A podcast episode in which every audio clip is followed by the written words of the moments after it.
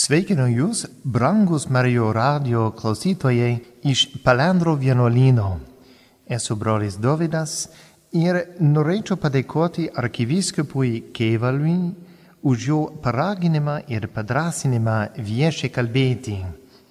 Taip pat norėčiau dėkoti kunigui Bužauskui už jo entuzijazmą priimti mane, už tą galimybę jum kalbėti ir už jo pasiūlymą nuo ko pradėti.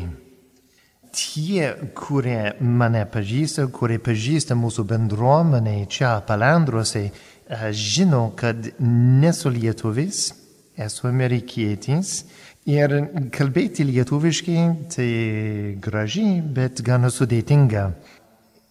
Tada norėčiau atsiprašyti dėl klaidų, tikrai jų bus, bet tikiuosi, kad prasme, ką aš norėčiau sakyti, tai bus pakankamai suprantama.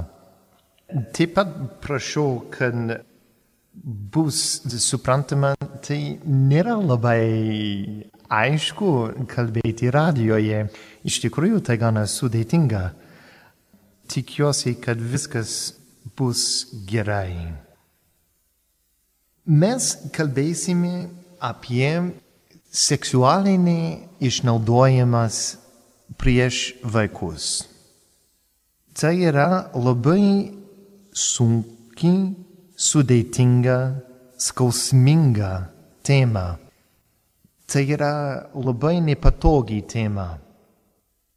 Reikia patikslinti taip pat, kad mes kalbėsime apie seksualinį išnaudojimą prieš vaikus, bet su akcentu ant bernukų. Tai yra problema, kuri patyrė, tai yra trauma, kuri patyrė ir merginos, ir bernukai.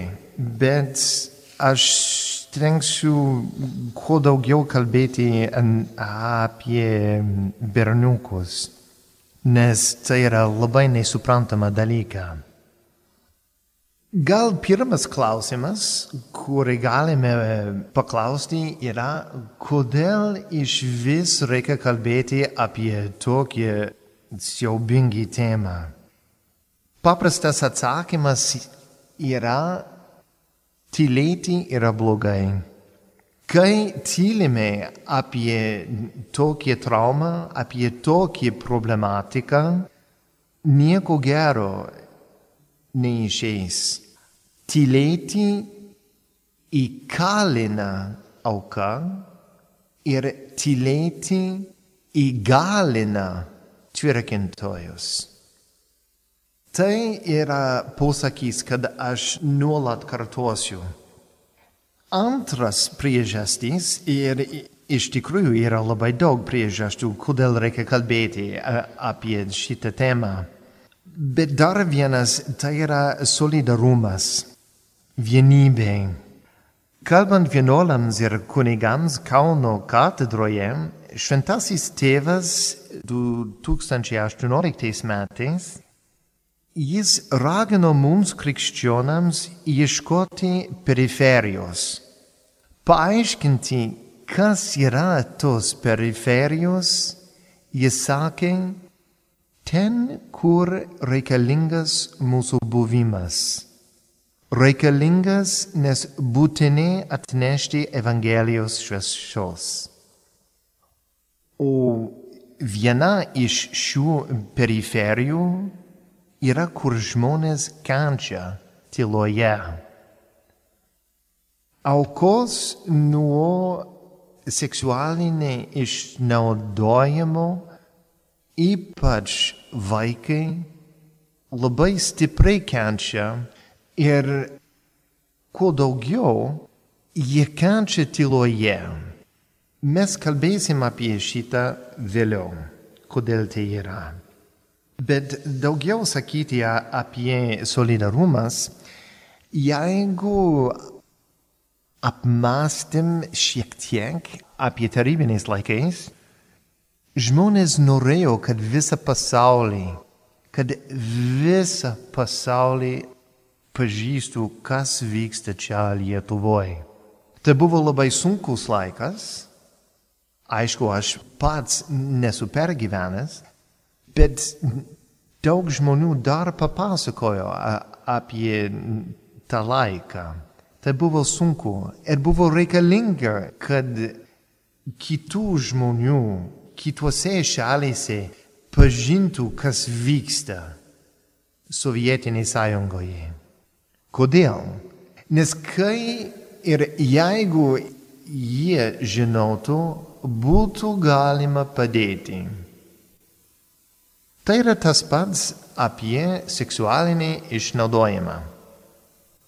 Kai kiti žino, kai mes, mes auginam visuomenės samprotą ir, ir sąžiningumą apie šitą problematiką, tai reiškia, bus galima padėti aukoms. Ir mes kaip bažnyčia, mes kaip krikščioniai, mums privaloma tai daryti. O kas daro bažnyčia?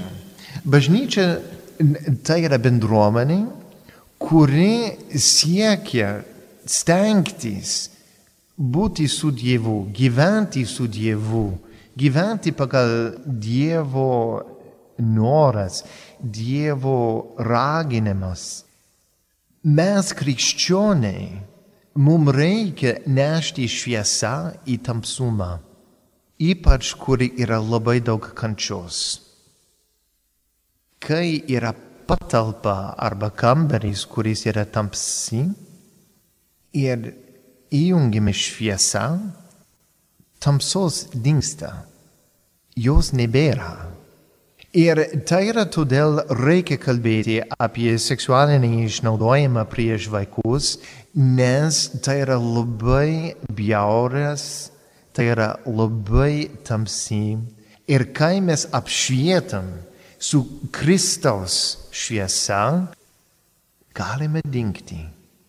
Galima padėti. Ir dėl to mums reikia kalbėti. Tokios prievartos padariniai sukrėtė jų aukas. Dauguma kenčia visam gyvenimui.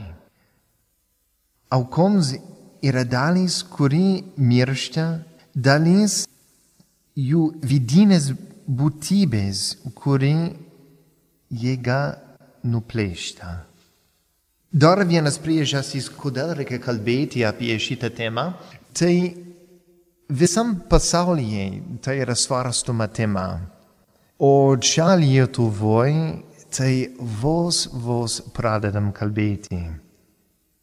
Ir nuo pačios pradžios bažnyčia visada buvo ten, kur reikia socialinės pagalbos. O taip, tai teisingai šita problema, šita trauma, tai yra socialinė problema. Turbūt tai nėra labai aišku, kodėl aš tai sakau, bet per visus laikus kartu tikiuosi, kad tai taps aišku. Šita tema yra labai labai plati. Pavyzdžiui, tai liečia labai įvairių sferų tokios kaip vyriškumą, galestingumas, savižudybė, vaikų vystimas, stigmos apie psichinį sveikatą, seksualinė orientacija, homoseksualumas ir labai daug daugiau. Tada kur galime pradėti? Aš siūlyčiau padėti nuo situacijos bažnyčioje. Manyčiau, kad tai nėra labai didelė paslaptis, kad yra problema bažnyčioje. Taip pat. Taip pat yra problema bažnyčioje. Bet šita problema, šita trauma, šita prievarta, tai egzistuoja visur. Tai yra mokyklose, tai yra šeimuose, tai yra sporto klubuose. Visur, kur yra žmonės, visur, kur yra vaikai, gali būti šita problema. Tai nereiškia būtinai kiekvieną vietą, kur yra vaikai, tada vyksta šitas siaubingumą. Ne, ne, ne, ne. Bet pavojus yra. Nuolat tai buvo per žmonijos istoriją, nuo pačio pradžios, nuo senaisiais laikais iki šiandien. Ir mums reikia kalbėti, apšvietinti, kad būtų galima suprasti bent šiek tiek aukas, suprasti bent šiek tiek tą baisumą, kurie ji neša visam gyvenimui, kad gal būtų galima joms padėti.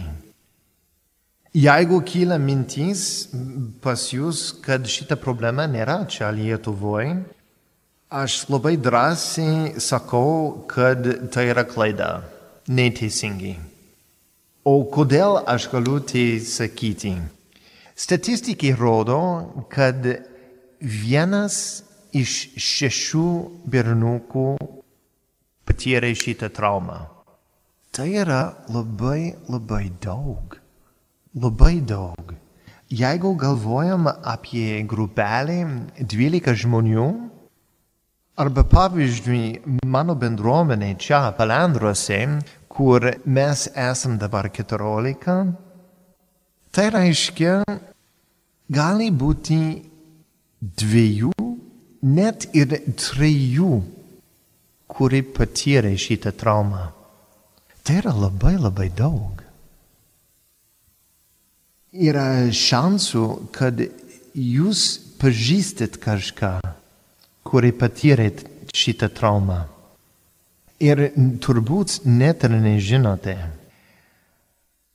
Dar vienas priežastis, kodėl aš labai drąsiai galiu sakyti, kad čia Lietuvoje yra taip pat aukų, kurie patyrė tą traumą seksualinį išnaudojimas prieš vaikus.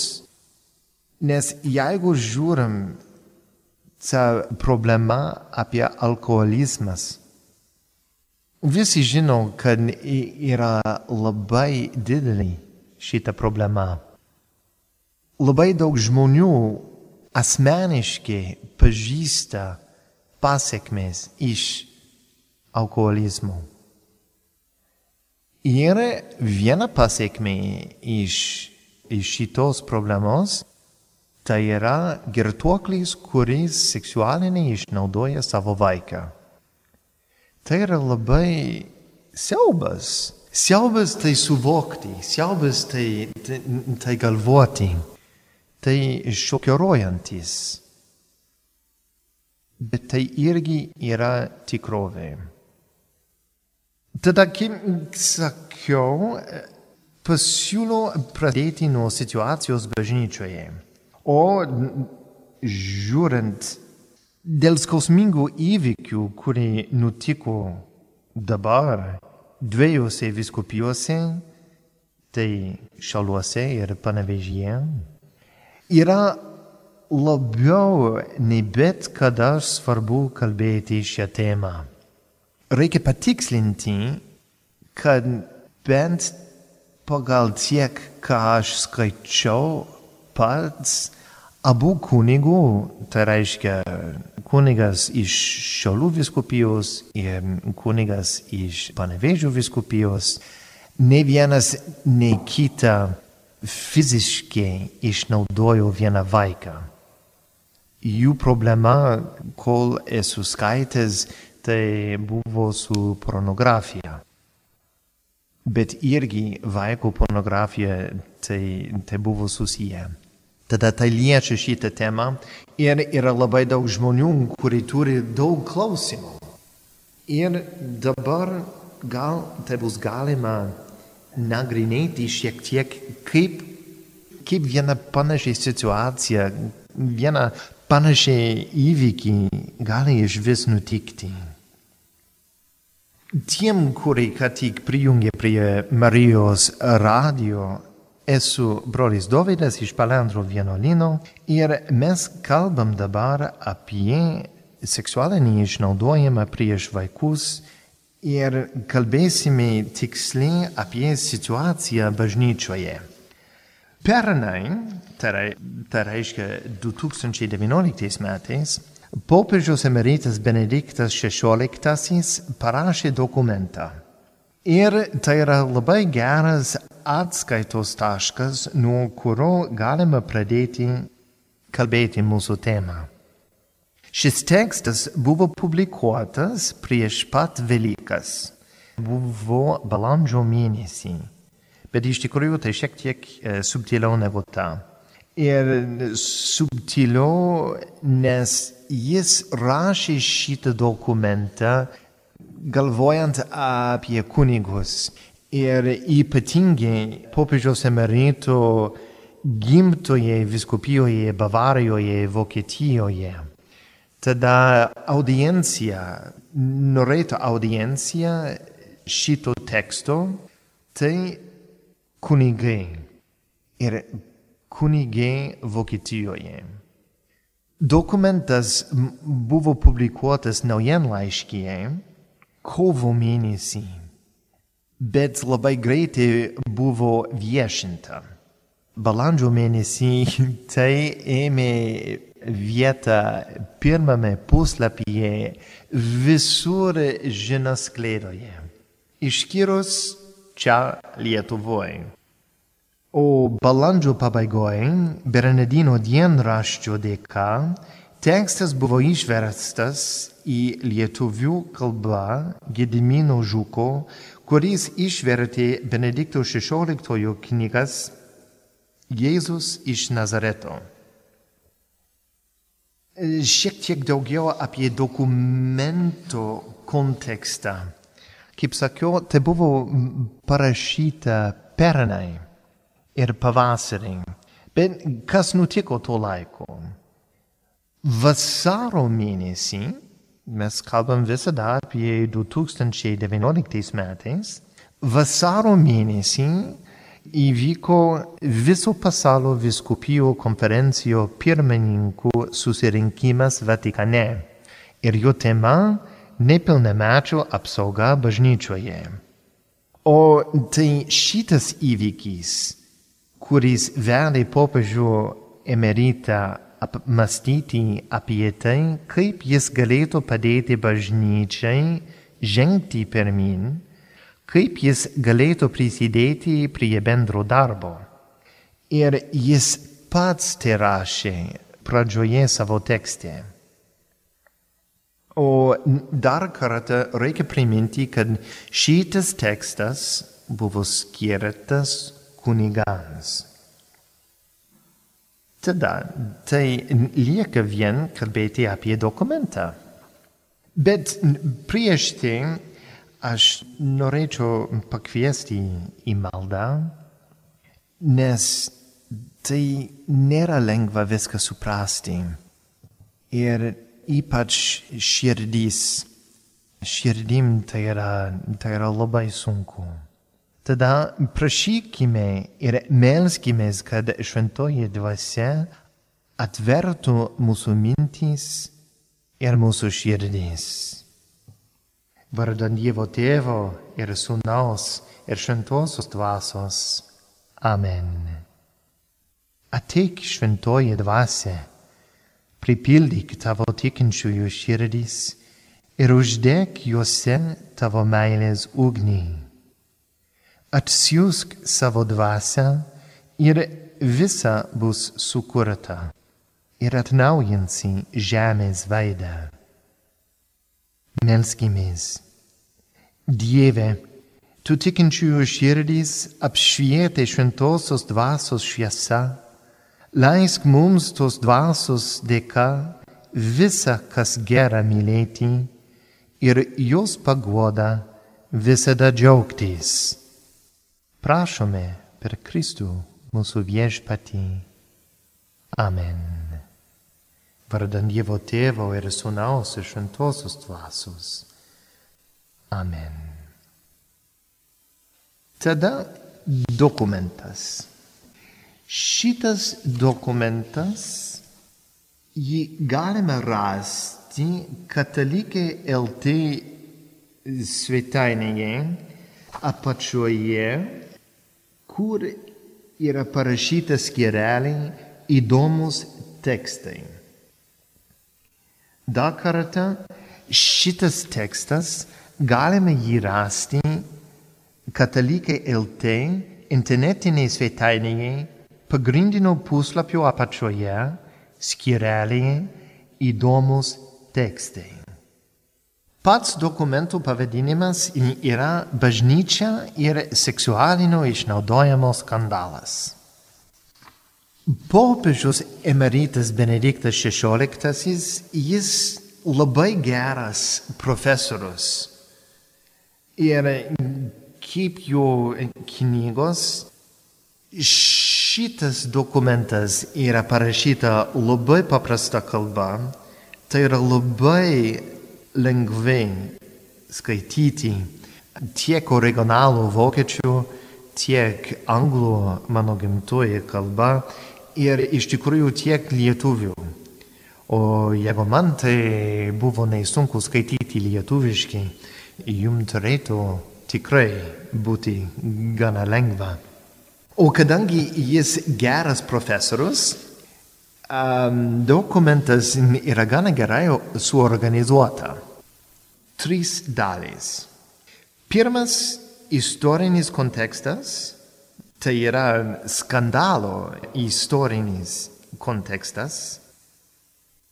Antras dalis - šio konteksto įtaka kunigiškai formacijai. O trečias - perspektyvai pradėti bažnyčiai žengti pirmin. Tada pradėkim dabar kalbėti nuo pradžios apie tą istorinį kontekstą. Ir mes matom, kad problematiškas laikotarpis tai buvo 7 ir 80 metį. Ir norėčiau citatuoti iš, iš teksto. Popiežius pradeda su tais žodžiais.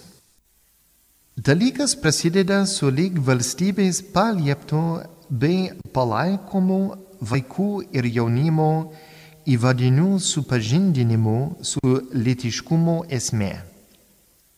Vokietijos sveikatos apsaugos ministrai liepė sukurti filmą, kuriame švietimo sumetimais buvo parodyta viskas, kol lyg tol viešai rodyti neleista, įskaitant lytinius santykius kas iš pradžių buvo sumanyta dėl jaunų žmonių švietimo, vėliau savaime suprantama, imta laikyti visuotinė galimybė. Toliau jis paaiškino, kad panaši situacija buvo ir Austrijoje.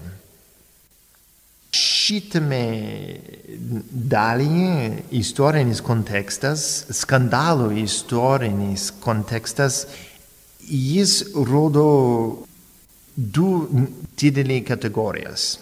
Vienas yra kultūrinis, o kitas yra bažnytinis.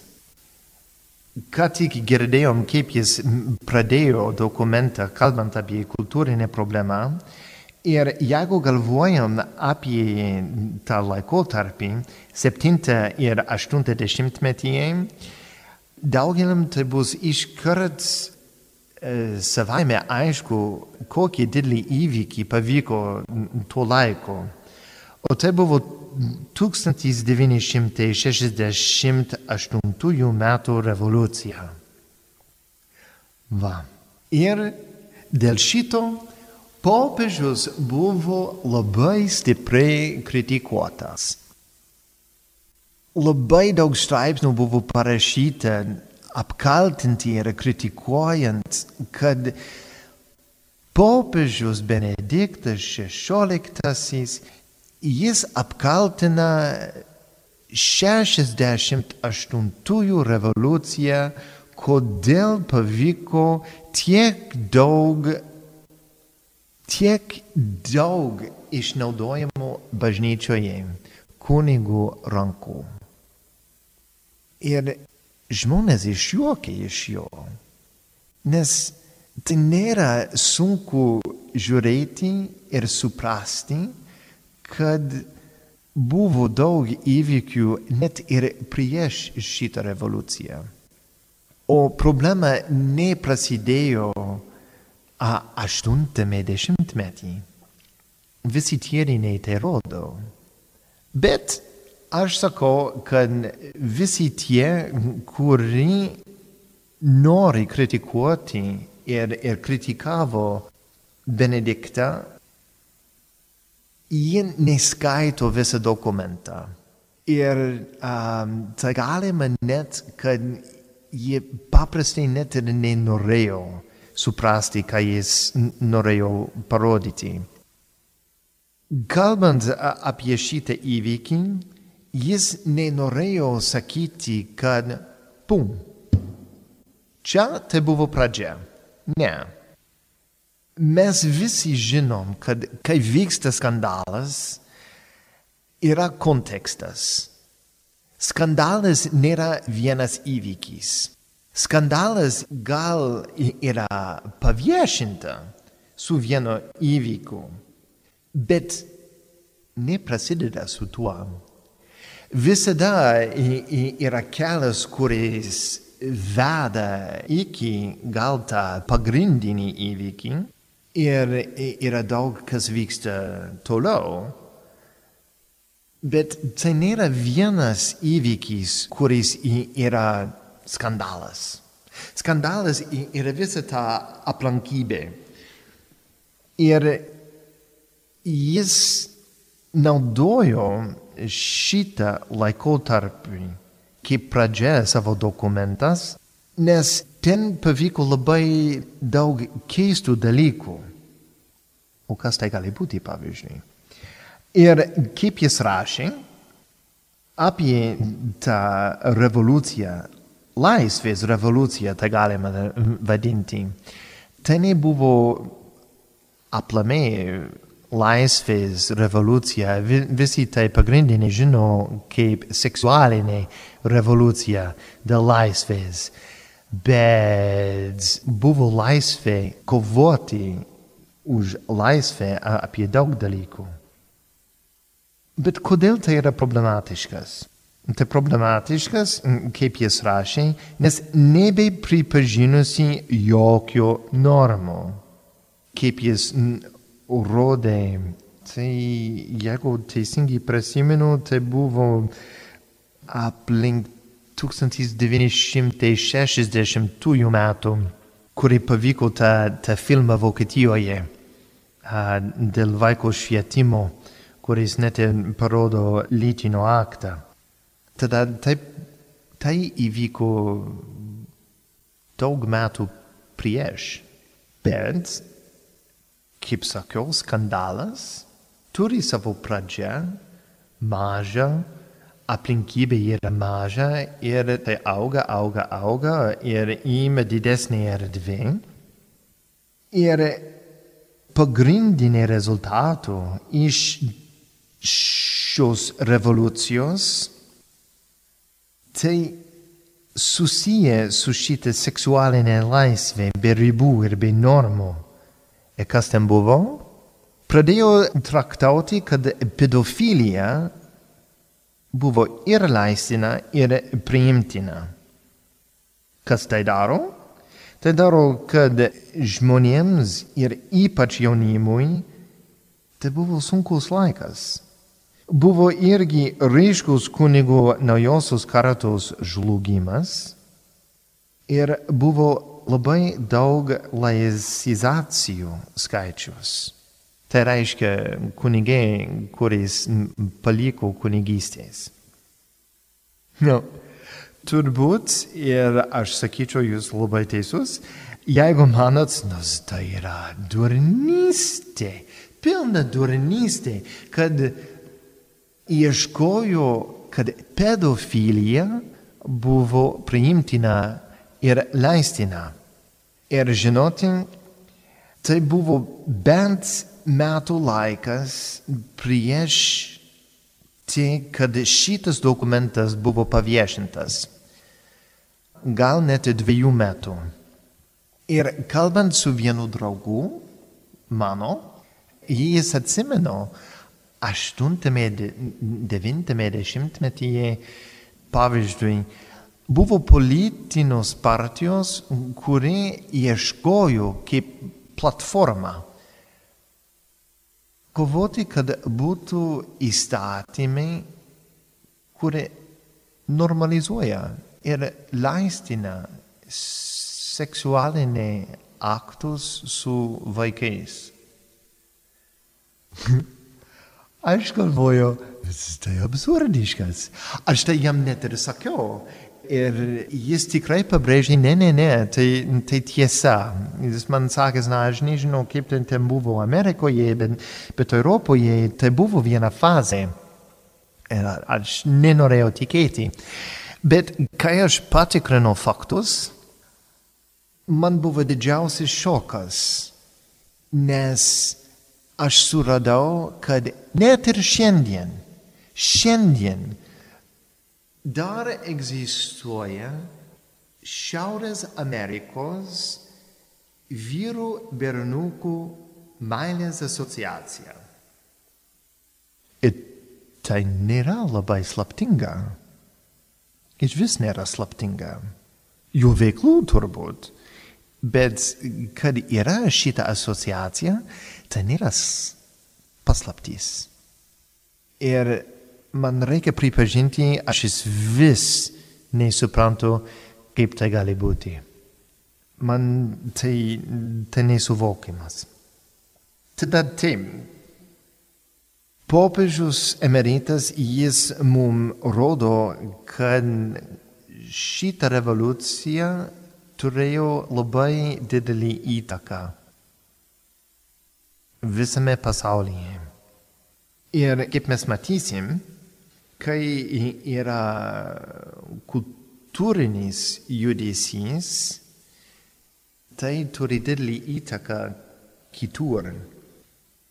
Bet grįžim prie teksto. Kaip minėjau, šitame pirmą dalyje skandalo istorinis kontekstas, jis paskyrė du dalys. Yra kultūrinis ir bažnytinis. O kas pavyko bažnyčioje šitame laikotarpyje. Žlugo moralinė teologija. Iki Vatikano antrojo susirinkimo moralinė teologija prigimtinės teisės buvo pamatas. O ir tai tai buvo iki Vatikano antrojo susirinkimo. Kodėl tai yra svarbus? Tai yra svarbus, nes po susirinkimo ieškojo iš naujo, kaip galima išreikšti e, apraiškimo. Ieškojo naujo metodą paaiškinti apraiškimus e, supratimą. Ir anksčiau, e, kai šventas raštas buvo naudotas kaip fonas ar patvirtinimas, o dėstymo metodas tai buvo pagal prigimtinės teisės, šitas naujas ieškojimas, jie bando dėstyti vien pagal šventą raštą.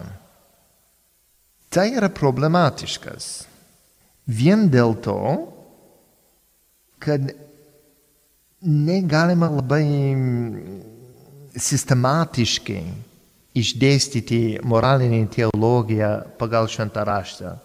Tai iš vis nereiškia, kad Biblijoje nekalbama apie moralinę teologiją, apie moralinį dalykus. Ne, ne. Tai yra iš vis ne tą, ką aš sakiau.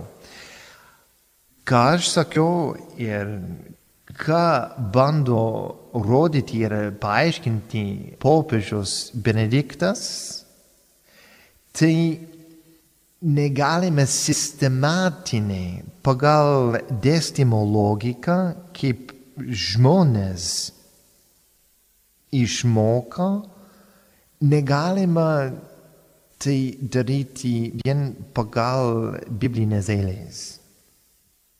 Kai teologai po Vatikano antrojo susirinkimo suradė, kad ne, šitas bandymas ten nepavyks, ji pamėgino imtis pragmatiškas pobūdį.